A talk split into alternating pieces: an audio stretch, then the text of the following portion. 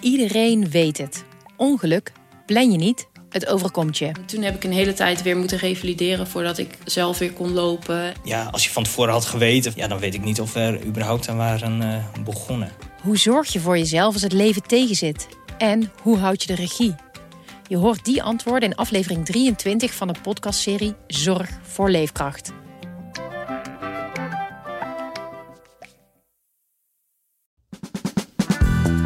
Dit is de podcast Politiek Dichtbij. Met Leendert Beekman en Tobias Den Hartog. In een half uur praten we weer bij over de stand van zaken op het Binnenhof. We hebben het over de o zo trage formatie. Maar eerst het CDA. Want daar heeft de crisis een dieptepunt bereikt. En dat heeft alles te maken met de memo van Pieter Omzicht.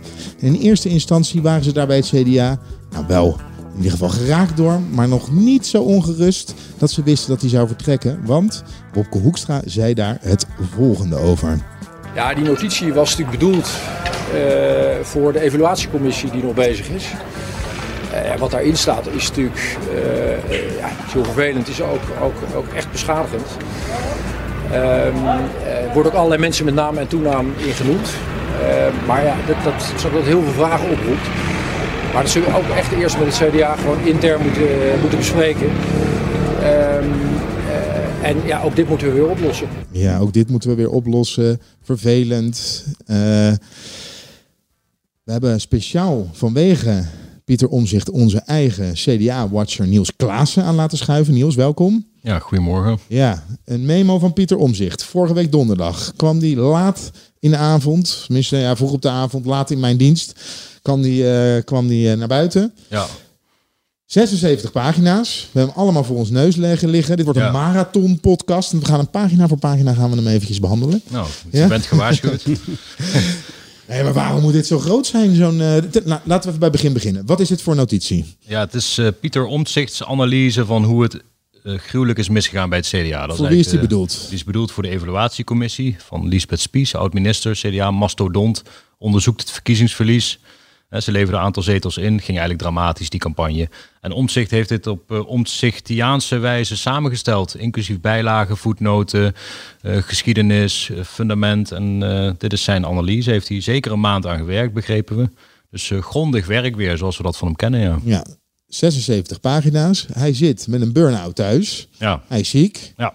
Wie doet dit met een burn-out? Wie, ik bedoel, hier doet menig student doet hier een jaar over om zoiets. Uh, allemaal netjes uh, ja. inhoudsopgave uh, zit erbij, bijlagen, alles goed gestructureerd. Precies. zover ik heb kunnen lezen, alles ordelijk en netjes opgeschreven. Ja, over de inhoud is, valt blijkbaar te twisten. daar komen we misschien later nog op terug, hè, want hij doet heel veel aantijgingen waar anderen van zeggen, nou ja, dat zit net een beetje anders. Maar ja, wij begrepen van een van de mensen die bijvoorbeeld gemaild heeft met hem in deze bijlagen dat hij dat gewoon al begin mei heeft uh, opgezet. Heeft die mensen benaderd en gevraagd: joh, wil je eens vertellen wat jouw ervaring is met bijvoorbeeld de selectiecommissie van het CDA? Heeft hij netjes in de bijlage gevoegd en hij heeft daar gewoon uh, ja, zeker een maand aan geschreven. Want 6 juni heeft hij het uh, ingeleverd bij de commissie. En een paar dagen later lag het op straat.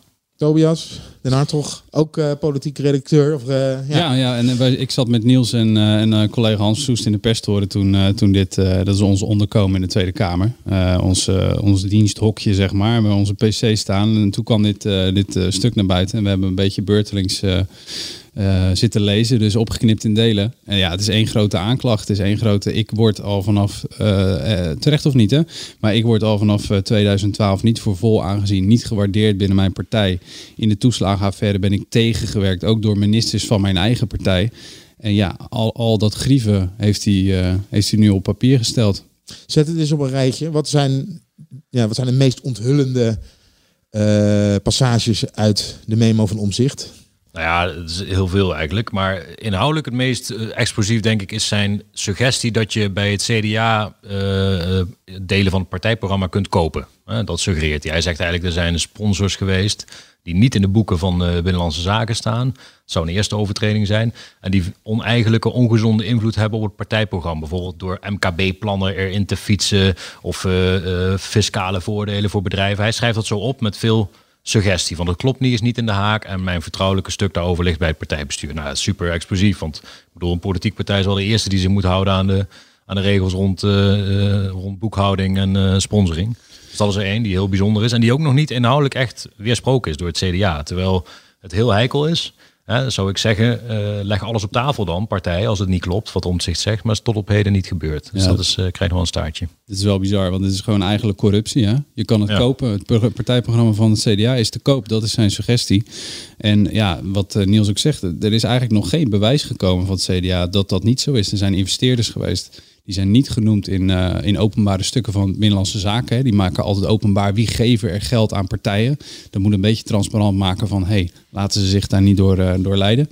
Ja, dat heeft CDA niet gedaan. Eh, dat kan overigens gewoon met goede reden zijn hoor. Dat het om, je, hebt, je hebt allemaal techniciteiten over wanneer moet je dat melden. Welke datum schrijf je daarbij op. Het kan best zijn dat dat nog komt. Maar de suggestie van omzicht is, ze zijn corrupt. Ehm, ja, daar is nog niet echt bewijs tegenovergesteld. Het andere punt, wat ik, wat ik opvallend, eh, wat wij opvallend vonden, is eh 10 december, 10, 11 december. Dat is eigenlijk de dag dat Hugo de Jonge toen net gekozen, hè, net nipt voor Pieter Omzicht, was gekozen als lijsttrekker richting de Tweede Kamerverkiezingen. Wopke wilde toen nog niet, Wopke Hoekstra wilde toen nog niet. Omzicht was de running mate. Hè? En volgens Omzicht is toen door de toenmalig partijvoorzitter tegen hem gezegd: als Hugo omvalt, dan ben jij de man. Nou, Hugo trok zich terug omdat hij het te druk had met de eh, coronacrisis. En vervolgens is er volgens Omzicht eh, contact gemaakt met Hoekstra en tegen hem gezegd van wij willen graag dat jij het doet. Eh, en Omzicht zegt dat hij voor het blok is gezet eh, om daarmee in te stemmen. Nou, want of mijn geheugen laat me in de steek, maar ik meen me te herinneren dat Omzicht daar toen de tijd Ja. oké mee was. Ja, voor Nou, het huis van de Hoekstra. hè, Ja, dat is die, eh, ja, precies. Dat, dat moment bij Nieuwsuur, de draaiende camera's van eh, ik wil dat, eh, of ik ga naar binnen en ik ga vragen of Hoekstra het wil doen. Dat was wat hij extern zei. Maar hij zegt, ja, intern was ik daarvoor al onder druk gezet om dat te vinden. En ik heb dat toen maar gepreveld. En toen ik binnen was, hebben we het er nog even over gehad. Maar ik voel me eigenlijk gewoon beroofd van mijn eh, lijsttrekkerschap Ja, en hij destijds. zegt dan ook, eh, en dan moeten we even een stukje citeren denk ik om het beelden te maken. Hij zegt dan eigenlijk, werd ik onder druk gezet, zo een beetje met elkaar gerammeld van, eh, nou, kom op, kom op, vertel wat je, wat je wil. En als jij het niet doet, dan vragen we Wopke. En dan is hij eigenlijk, daarna beseft hij dat hij eigenlijk ja, gepasseerd is. Zegt hij, ik ben ziedend omdat ik de tijd niet kreeg die Wopke nu wel wordt gegund. Ondanks de belofte van de voorzitter, Rutger, ben ik op onheuse wijze gepasseerd. Er is duidelijk een vooropgezet plan en ik pas er niet in.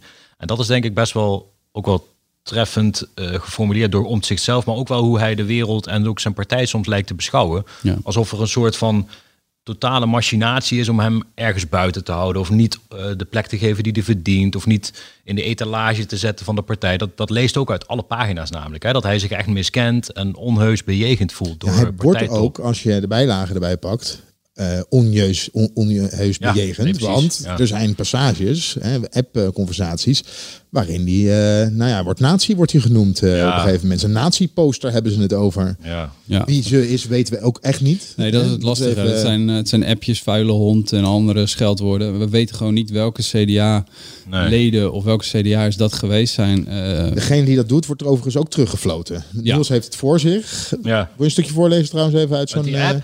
ja, uit zo'n app, ja? Ja, natuurlijk. Eh, Bond tegen vloeken even uitschakelen nu.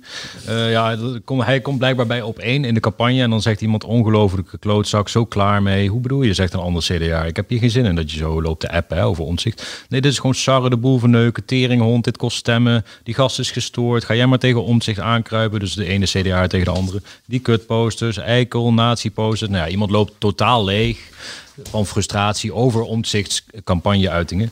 Eh, en andere fractiemedewerkers horen daarbij nog eh, de termen door anderen dus over omzicht. Psychopaat, zieke man, eikel, gestoord, labiel, teringhond. Nou ja, en dat is voor omzicht de reden om te zeggen... ik voel me gewoon niet veilig als dit over mij Dat gaat. snap ik. Maar ook wat ik ook wel weer lees, is dat op, Ja. over die poster bij op één. Die Ja. kutposter van omzicht eh, in Ja. op één. Reactie van de andere CDA. Nou, doe even normaal. Ja, precies. Dan denkt diegene nog, hey, ik word gesteund. Ja man, fucking eikel met die nazi-posters. Nee, jij moet normaal doen. Ja, wat, precies. wat, wat is dit voor een uh, lijpenhaat? Je zou hier ook in kunnen zien, twee mensen eh, die het over omzicht hebben, waarbij omzicht ook heel hard verdedigd wordt. Ja, precies. Ja, nee, is waar. Dat is ook zo. En we weten dus niet wie dit is. En ik vrees dat je als je in eh, elke willekeurige organisatie waar 300 of eh, zoveel mensen werken, dat je altijd best wel een app-conversatie over een andere collega kan vinden met deze toon. Hoe schadelijk dat ook is hoor. Maar dit zegt nog niet, denk ik, over hoe de partijtop over hem dacht en wat de partijtop van hem voelde.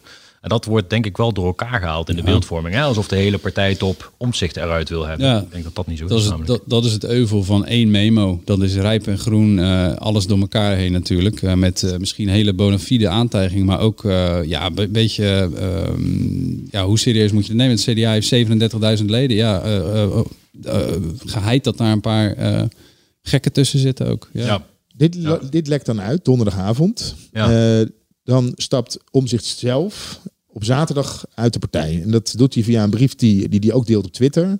Dan zegt hij erbij, nu dit stuk eh, en een deel van mijn scherpe visie op straat ligt... is het voor mij nog moeilijker geworden om binnen het CDA te blijven functioneren. Toen dacht ik, is dit werkelijk de druppel? Als je 76 pagina's met ellende hebt opgesteld. Dit is allemaal, gaat allemaal mis, allemaal rondom jou. En het feit dat het uitlekt is voor jou de druppel. Dit zou toch de druppel moeten zijn? Ja, het is, het is eigenlijk wat je ver- vermoedt na zo'n epistel. is eigenlijk een slotalinea. Hè? Hier al bij. Van, en dus kan ik niet meer leven met en stap ik. Dat, dat is, zo leest het namelijk. Eh, maar anderen binnen het CDA die wij vrijdag dan weer eh, spraken, die zeiden: nou, het, het zie het hem juist dat hij dit schrijft. En dan betekent dat hij inhoudelijk aan de slag wil. En dat hij. Hè, ik bedoel, je zul je niet, als je ergens eh, niet meer verwant mee voelt, dan neem je die moeite niet. Hè. Dus zo probeerden ze dat nog een beetje constructief te zien. Maar het klopt helemaal. Dit is gewoon een soort eh, ja, oorlogsverklaring die eigenlijk alleen maar kan eindigen in een breuk. Dat was ook de duiding die veel mensen eraan gaven. Ook CDA'ers zelf hoor, die zeiden vrijdag al. Niet dat ze zeiden, dit kan niet meer. Want ze zijn natuurlijk altijd voorzichtig. Maar die zeiden wel, ja, het is wel heel lastig om hier nog samen uit te komen. Ja. Even, ehm, waar zullen we eerst op, eh, ingaan? De persoon Pieter Omzicht? Of nog, toch nog even door over de inhoud? Hè?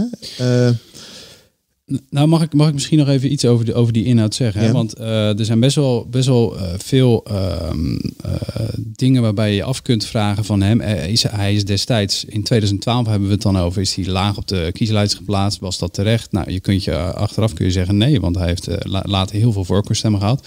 Eh, er is ge, getornd aan zijn portefeuille financiën, terwijl hij daar echt wel bewezen expert op is geweest. Maar er zat één ehm, alinea in en die, die, die, die, die me. Die snap ik nog steeds niet helemaal. Ehm, dat gaat over eh, de, BPO's. De BPO's is het bewindspersonenoverleg. Dat hebben alle partijen die eh, eh, deel zijn van het kabinet, hebben dat op donderdagavond. Dan komen de ministers en de staatssecretaris van die partij en de partijtop, die komen bijeen om de koers van de, van de partij. En eh, wat is nou de stand van zaken? En morgen is weer ministerraad. Wat ligt ervoor? Wat moeten we stemmen? Het is een beetje een eh, scrum van de, de machtigste van de partij. Maar hij beklaagt zich in een van die alinea's erover dat hij onderdeel was van het fractiebestuur van het CDA. En niet bij die BPO's aanwezig mocht zijn. Maar ik vind wel, ik ben ook benieuwd wat jij ervan denkt, eh, Niels. Ik, ik, ik, ik vind wel eh, tegenstrijdig met zijn ehm, eh, koers van nieuwe bestuurscultuur, eh, macht tegenover de tegenmacht, ehm, dualisme. Ehm, daarin, daar staat dit een beetje haaks op. Hè? De fractie hoort het kabinet te controleren. En hij wil dus, als lid van de fractie, wilde hij dus bij dat achterkamertjes overleg, want laat wel wezen, dat is het BPO echt bij uitstek, wilde die aanwezig zijn om aan te schuiven bij de minister en staatssecretaris. Ik, ik kon dat niet rijmen met Nee. die hele koers die hij verder predikt in het stuk. Maar dat is best wel, zijn wel op wat meer punten hoor, dat hij daar, daarin best wel tegenstrijdig is. Hij zegt bijvoorbeeld ook heel vaak dat hij het eh, beu is dat het in Den Haag eh, gaat over welke minister moet er nu weer opstappen en dat het zo vaak over de poppetjes gaat. Terwijl hij zelf ook over de Rutte-doctrine spreekt. Dus als, als hij het eh, van pas vindt komen, lijkt het, kan hij heel goed op de persoon spelen. Dus, en ook dit weer, inderdaad, hij, zijn, ongeveer zijn levenswerk is het, eh, de tegenmacht versus, de, eh, versus het kabinet. En vervolgens lees je in deze alinea's eigenlijk frustratie dat je niet in die binnenkamer zit.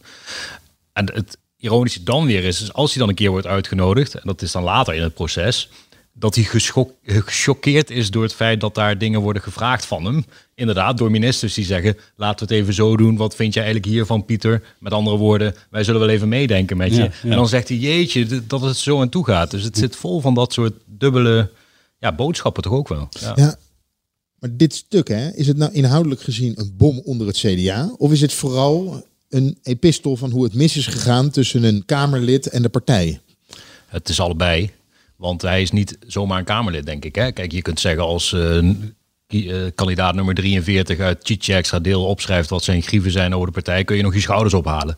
Maar dit is de man die volgens opiniepeilingen populairder is dan elke andere partijleider op het Binnenhof. Ja. Die in potentie groter kan worden dan het CDA. Ja, het dus als CDA hij zou naar acht zetels gaan Ja, volgens de laatste peiling. Dus als hij dit opschrijft, creëert dat een probleem voor die partij. Of, of nou alle details kloppen of niet. Want dat wordt dus bestreden. Er wordt gezegd, ja, maar er was nooit een afspraak met de partijvoorzitter hè, over de opvolging van de jongen. Dat wordt dan ontkend. Maar er is helemaal geen gedoe rond partijsponsoren. Er wordt geen bewijs voor geleverd. wordt wel ontkend. Dus blijkbaar valt er heel wat inhoudelijk op af te dingen. Maar door dit, eh, doordat dit nu uitgelekt is, creëert het die bom. Want, want ja, de partij moet hier wat mee. Je kunt dit niet terzijde schuiven.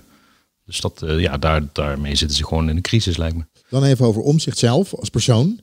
Eh, je, je zegt al, hij is ongekend populair. Eh, hij gaat nu ook als zelfstandig Kamerlid gaat hij verder. Ja, wil die? Ja. Ja, er, eh, eh, misschien dat er wel een partij komt. Hè? Zou kunnen. dat zou, zou, zou zomaar kunnen. Maar wat is dit nou voor een man? Ik voel het sentiment ook wel een beetje schuiven om mij heen. Waarin mensen in eerste instantie erg gecharmeerd waren van, van Pieter Omzicht. Ik sprak mijn buurman toevallig op het moment dat dit uitlekte. En die zei ook van ja, het blijft maar gaan. En het komt toch een beetje eh zeggen ze- kijk, Maniacaal, Ja, man, ja. Moeilijk voor me. Eh, over hoe, hoe Ja. die man is. En eh, er is ook wel een, een, een, eh, een verschuiving van ja, wat is dit nou voor een man? Jij is woont, dit... jij woont niet naast Wopke Hoekstra, toch? Ik wou niet niet Nee, zo nee. Nee, ja, ik denk dat dat, ja, dat is, het is moeilijk, want we, hoe goed kennen wij Pieter Omtzigt als persoon? En ik vind het ook, hij is ook ziek. Ik vind het ook een beetje gek om de psycholoog uit te hangen. Maar wat feit is, en dat kan iedereen zien, hij bijt zich totaal vast in dossiers. Groot en klein, dicht bij huis en ver weg. Corruptieaffaire op Malta, eh, corruptieaffaire binnen het Europees Parlement, een, een, een aanslag. Hij duikt er gewoon in, hij gaat er echt bijna blind Maar laten voor. we die aanslag eens noemen, want hij gaat dus blind gaat hij voor. eh, ja, hij gaat er eh, echt totaal voor. Ja, maar dan hebben we het dus over de MA17. Oh, ook, ja, precies. het dossier waar die afgehaald is, Ja. omdat hij uiteindelijk een zogenaamde getuige liet, liet opdraven en Mm. nog meegeschreven had aan zijn tekst. En dat bleek dus ja, niet, niet te kloppen. Eh, dat is ook Pieter Omzicht. Hè? Dat op het moment, het lijkt wel of hij op een gegeven moment oogkleppen op kan, Mm. eh, of dat hij oogkleppen op heeft. Ja. En eh, dan eh, wil hij ook nog wel eens in zeven sloten tegelijk lopen. hè. Zaak Demming eh, heeft hij ook zijn vingers aangebrand. Ja. Ehm, Ja, dat is het lastige ook voor, voor om te functioneren in zo'n partij. Als er, als, er, als er geen rem op staat, als niemand bij macht is om te zeggen, eh, Pieter, eh, misschien heb je, zou je het wel eens niet bij het rechte eind kunnen hebben over dit. Of misschien moet je een beetje rustiger aan doen op dit. Ja, hij legt dat dan eh, eh, ja, toch uit alsof, alsof iemand hem niet waardeert en alsof, alsof hij wordt geremd. En ja, misschien heeft hij vijf van de tien keer gelijk en vijf van de tien keer geen gelijk. Maar da- daarmee ontstaat dus eh, ja, heel moeilijke samenwerking. Dat ik zeg, hadden- jullie zijn de politieke eh, verslaggevers. Hè? Ik zeg het even als, eh, toch als eh, simpele presentator van deze podcast. nou. Maar als ik dit zie, hè, Ja. eh, jij zegt hij is vanaf mei is hij hiermee bezig. 76 pagina's. Ja. Ik schets net het beeld dat, dat ik een beetje van hem heb. Van iemand Ja. die eh, met oogkleppen op in zeven Ja. sloten hè, de, de, de neiging heeft om dan in zeven sloten tegelijk te kunnen lopen. Eh, hij is overspannen. Ik zie me helemaal voor me dat, dit, dat er een man achter een computer bij hem in Enschede zit. eh, en die met die oogkleppen op woedend dit stuk eruit eh, uitknalt. Eh, en op een gegeven moment zo in zijn eigen wereld en zijn eigen geleid zit. Dat het ook wel afdoet, misschien, hè, voor mij, even Mhm. als persoon, aan de inhoud die er staat. Van ja, hoe, ik snap hoe serieus is dit te nemen? Maar dat is ook bijna wel de uitwerking die het had bij de CDA-prominenten. hè? Want je zag aan het begin van zijn overspannenheid zag je heel veel.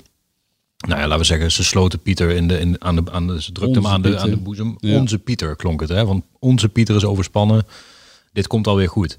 Maar vrijdag na dit bommetje, ja, was onze Pieter op het Binnenhof niet meer te horen. Bewindslieden waren veel gereserveerder. Mona Keizer en Hugo de Jong ook. Hugo de Jong zei zoiets als, ik denk dat de, de conclusies van eh, de commissie Spies wel eens anders kunnen zijn dan omzicht opschrijft. Hè? Afstand. Eh, Mona Keizer zei ook van ja, ik heb Pieter hoog zitten, maar. Nou ja, dat is altijd een gevaarlijke formulering volgens mij. Ik heb iemand hoog zitten, maar. Dus je zag die afstand gewoon groeien. En ik denk dat dat, hoe jij het leest, dat dat voor, ook voor de CDA-top zo leest. Bovendien zijn zij erbij geweest. Dus zij weten waarschijnlijk van onderdelen hoe het in hun beleving is gegaan. Dus ik denk dat dit hem, ja, binnen het CDA heeft hem dit gewoon geen goed gedaan. Hoewel er misschien wel dingen in staan die je moet uitzoeken, die je moet aankaarten, die je moet onderzoeken. Nou ja, die het CDA moet oplossen. Hè, want als eh, de helft hiervan klopt, hebben ze echt wel een probleem. Maar inderdaad, de manier waarop hij dit brengt in deze tekst is, heeft hem niet geholpen. Hoe nu verder? Zowel met het CDA als met Pieter om zichzelf. Nou ja, Niels, kijk bedenkelijk. Kunnen Nou ja, dat, is, er- dat, dat, dat is ook een hele, hele lastige. Want kijk, eh, niemand, dit, dit, dit blijkt, eh, eens te meer blijkt, we kunnen niet in het hoofd van Pieter om zich kijken. Eh, bedoel, we, wisten dat hij bezig was met een notitie aan die commissie Spies. We wisten dat hij overspannen thuis zat, maar toch ook nog wel contact had met CDA'ers, met journalisten. Het is moeilijk te volgen wat zijn volgende stap zal zijn. Als hij zichzelf eh, de leider verklaart van een nieuwe partij, dan gaat het CDA daar geheid last van krijgen. Ja. Maar dat hangt dus wel op zijn eh, nou, ja, toch wel belaste schouders. Eh, dus Ja. dat, dat, laat zich echt raden hoe, hoe, de, hoe die ontwikkeling gaat zijn. En bij het CDA vooralsnog, eh maar Niels, jij weet het beter, volgens, volgens mij blijft de fractie vooralsnog Ja. redelijk om Hoekstra heen staan. Ja. Dat zal in de provincies en zo en de, de, de lokale besturen zal, zal dat wat verdeelder zijn, eh, schat ik De in. Maar- partij is nu een beetje, want ik hadden vrijdag een belronde gedaan en zaterdag ook dit weekend nog even wat doorgevroed. Ook bij die afdeling die ooit voor hem een steunverklaring schreef, hè, 20 CDA-afdelingen, een maandje geleden volgens mij. Maar het is een beetje, CDA is nu een beetje naar de... Was die eh, brievenactie, was ja, die dat, eh, brievenactie, ja, ja. precies. Eh, dat waren hè, mensen die, zeg maar, team omzicht zou je ze kunnen noemen. Maar het, het CDA, tenminste de mensen die wij benaderen, gedragen zich een beetje als, eh, laten we zeggen, mensen in de schuilkelder na een, eh, na een aardbeving. Ze komen er nog niet echt uit. Het is nog een beetje, eh, komt er nog een schok of niet? Dus mensen bekennen nog geen kleur in die zin. Eh, ik sprak iemand van een afdeling in het land die zei, nee, ik weet het nog niet en ik wacht even af. Dus eh, iedereen is een beetje de positie aan het eh, bekijken, aftasten. Want ja, er staat wel wat op het spel. Want als je kijkt naar de steun voor omzicht, ooit tegen Hugo de Jonge, weten we nog wel, hè, die lijsttrekkerstrijd. Dat was eigenlijk 50-50. Dus de helft van de CDA-leden die mocht stemmen, ging voor omzicht toen. Kun je zeggen, nou, de Jonge was toen zijn tegenstander, nu is dat Wopke Hoekstra, als je het zo zou moeten zien. Er kan een andere stemverhouding zijn, maar hij heeft dus een enorm, enorme steun in die partij. Daarbuiten heeft hij nog veel groter eh, eh, draagvlak. Dus die opiniepeilers eh, die zeggen gewoon dat hij 20 tot 30 zetels zou kunnen halen als hij een partij zou beginnen. We weten niet of hij dat wil, hè, maar dat zou hij dus kunnen. Dus ja, dat plaatst het CDA in een super benarde positie. Ja, en dan hebben we wel. eh, Waarom is zijn aantrekkingskracht zo groot? Dat is. Hij is natuurlijk opgekomen voor de zwakkeren Ja. in de samenleving. Dus hè, bij, bij, het linkse, bij de linkse mensen, of niet alleen eens bij de linkse mensen, maar mensen die, die eh, traditioneel links zouden stemmen, laten we het zo noemen. Ja, hij eh, zit doet op de hij het linker, linkervleugel van het CDA, dat klopt. Ja, Ja. En hij is een kritisch denker tegen de overheid. Dus ook aan de rechterkant doet hij het daarom goed. Ja, dus zijn, FVD-kringen, zeker. ja, dus eigenlijk eh, kan hij van beide walletjes eten. En is- zou dat ook zijn mogelijke succes Ja, kunnen En verkloppen. zoals die Peter Kanner, die opiniepeiler, zei, hij is een soort heilige voor de kiezer. Dus hij kan ze overal vandaan halen. En je kent ze in je eigen omgeving waarschijnlijk ook mensen die zeggen... ik heb op omzicht gestemd, terwijl ze nooit CDA hebben gestemd. En dat is natuurlijk bijna een magische aantrekkingskracht... die heel weinig politici hebben. Hè. Vaak stemmen mensen toch in hun kring of in hun ideologische hoek of zo. Maar hij heeft een anti establishment eh, geluid, wat heel populair is. Bijvoorbeeld ook in de populistische hoek. En hij heeft het schild voor de zwakken. Dus het opkomen voor de mensen die hard geraakt worden. Voor de linkse partijen eh, kan hij veel kiezers. Dus ja, in potentie, zeggen die peilers, heeft hij goud in handen. Maar aan de andere kant, mensen die met hem werken en hem kennen... eh, Chris van Dam sprak ik, een oud-Kamerlid. Dat weet je misschien nog wel, die nu eh, niet meer in de Kamer zit voor het CDA. Veel, eh, ja, toch wel politieke geestverwant. Die zegt ook, het is nooit Pieters doel of missie geweest... om zelf een partij op te zetten, laat staan te leiden. Nee, maar hij zit nu wel met een probleem. Want de Kamer, eigenlijk word je gestraft als je met je zetel weggaat. Mm. De Kamerleden worden ondersteund. Zijn ondersteuning is, zal minder groot zijn dan bijvoorbeeld andere eenpitters. Laten we bij één nemen, bijvoorbeeld Ja. Savannah Simons of de, eh, de boerenburgerbeweging. Ehm mits die een partij opricht, dan wordt die weer, en dan, kan, dan wordt zijn ondersteuning wordt groter, begreep ik. Ja, Ja, snel ook. opnieuw. Ja, Ja, maar precies. het, want het, ehm, moet een veren- ja. moet, je, moet je nu, als je overspannen bent, een partij willen oprichten. En moet je in de Kamer verder willen zonder die ondersteuning die je gewend bent. Want ineens moet je overal bij zijn. Ineens krijg jij spreektijd voor alle onderwerpen in de Kamer. Dus je zal op het moment, en dit is een man die zich overal tegenaan wil bemoeien, denk ik. Hij gaat alleen maar drukker krijgen. Ja. ja, nee, dat is eh, zijn grootste valkuil, denk ik. Dat, eh, dat hij daar eh, tegenaan gaat lopen. Dat hij scherp zal moeten kiezen. Eh, Het enige voordeel is dan dat ze hem in ieder geval geen portefeuilles kunnen afpakken, zou ik zeggen. dus hij kan echt, hij kan echt zelf kiezen wat hij doet. alles, Ja. ja. hij gaat overal over. En dan zou hij ook, eh, ook eh, zijn steentje bijdragen en zijn zegje kunnen doen. Maar het is maar de vraag of dat zo is, hè? want wij vullen dat nu in. En er is ook wel serieuze aanwijzing hoor, om dat scenario uit te denken. Dat hij inderdaad terugkomt en aan een partij bouwt.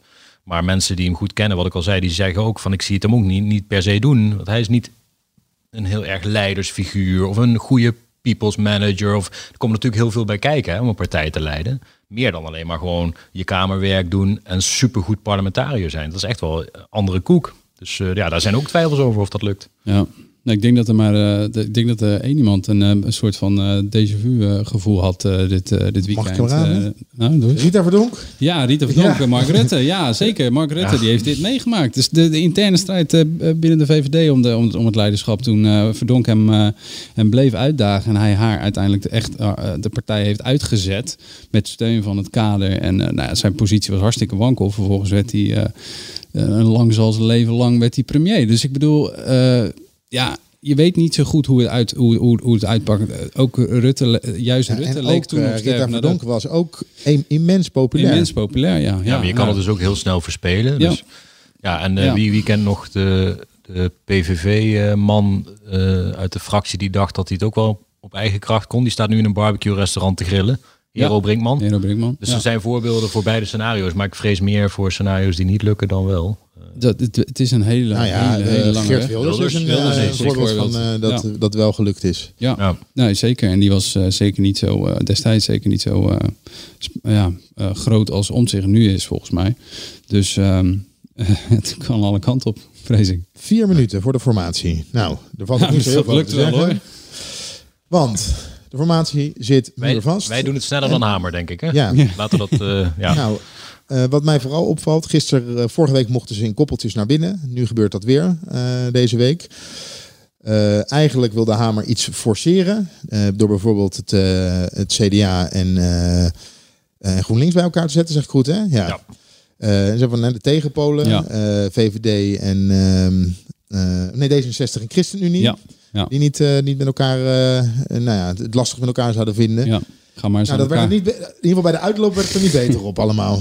Nee, ga elkaar maar eens vertellen eh, waarom je elkaar niet aardig vindt. Volgens mij deed Kaag dat precies. Ja, zullen we hem even erbij pakken? Want Kaag die, eh, die mocht dus eh, met Zegers zitten. De inhoudelijke verschillen die er zijn tussen D66 en de progressieve belofte die ik de kiezer heb gegeven, die wil ik ook graag waarmaken. En de inhoudelijke verschillen eh, langs de lijnen van medisch-ethisch, maar ook als je kijkt naar meer ouderschap, eh, er zijn tal van voorbeelden. Daar liggen deze twee partijen heel ver uit elkaar, dus ik zie daar niet een, eh, een toenadering.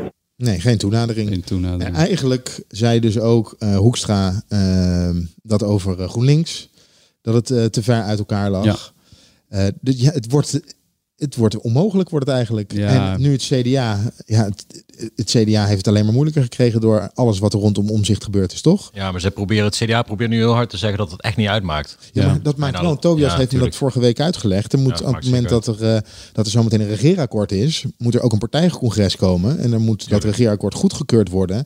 En als er een hele grote eh, club is die ontevreden is over Ja, hè, de eh, memo van omzicht en alles wat er de afgelopen tijd gebeurd is, dan zou dat dus eh, zomaar eens niet kunnen lukken, toch? Ja, ook, maar ook gewoon praktisch. Stel, je gaat nu onderhandelen met het CDA over een akkoord. Hè? Je komt ergens uit en je hebt een Hoek- Hoekstra zet zijn handtekening eronder. En die partij weet zelf niet hoe ze de komende maanden doorkomt. Met hoeveel leden er nog blijven, wat om zich gaat doen. Dus als onderhandelingspartner ga je natuurlijk drie keer eh, nadenken voordat jij wel eh, een, goede afspraak sluit met het CDA. Want met welke partij zit ik eigenlijk om tafel? En wat gebeurt daar in die achterban? En hebben ze de Rijn al, al afgehuurd voor een congres waar het misschien weer mis kan gaan? Dus Ja. Nou, dit is echt de- instabiel. Het, is niet, het is niet makkelijker geworden. Het enige wat ik nog kan bedenken, en dat, dat hoor je ook wel eh, met name in de eh, hoek van D66, waar ze natuurlijk nog, heel, nog steeds heel erg hopen dat ze iets kunnen met die, met die verkiezingswinst. Hè, dat, dat, dat ze toch nog ergens een beetje lol van, van gaan hebben. Is dat Hamer een soort grote Excel-matrix bouwt waarin ze zegt van, hé, hey, moet je eens kijken, op deze punten kunnen jullie elkaar vinden.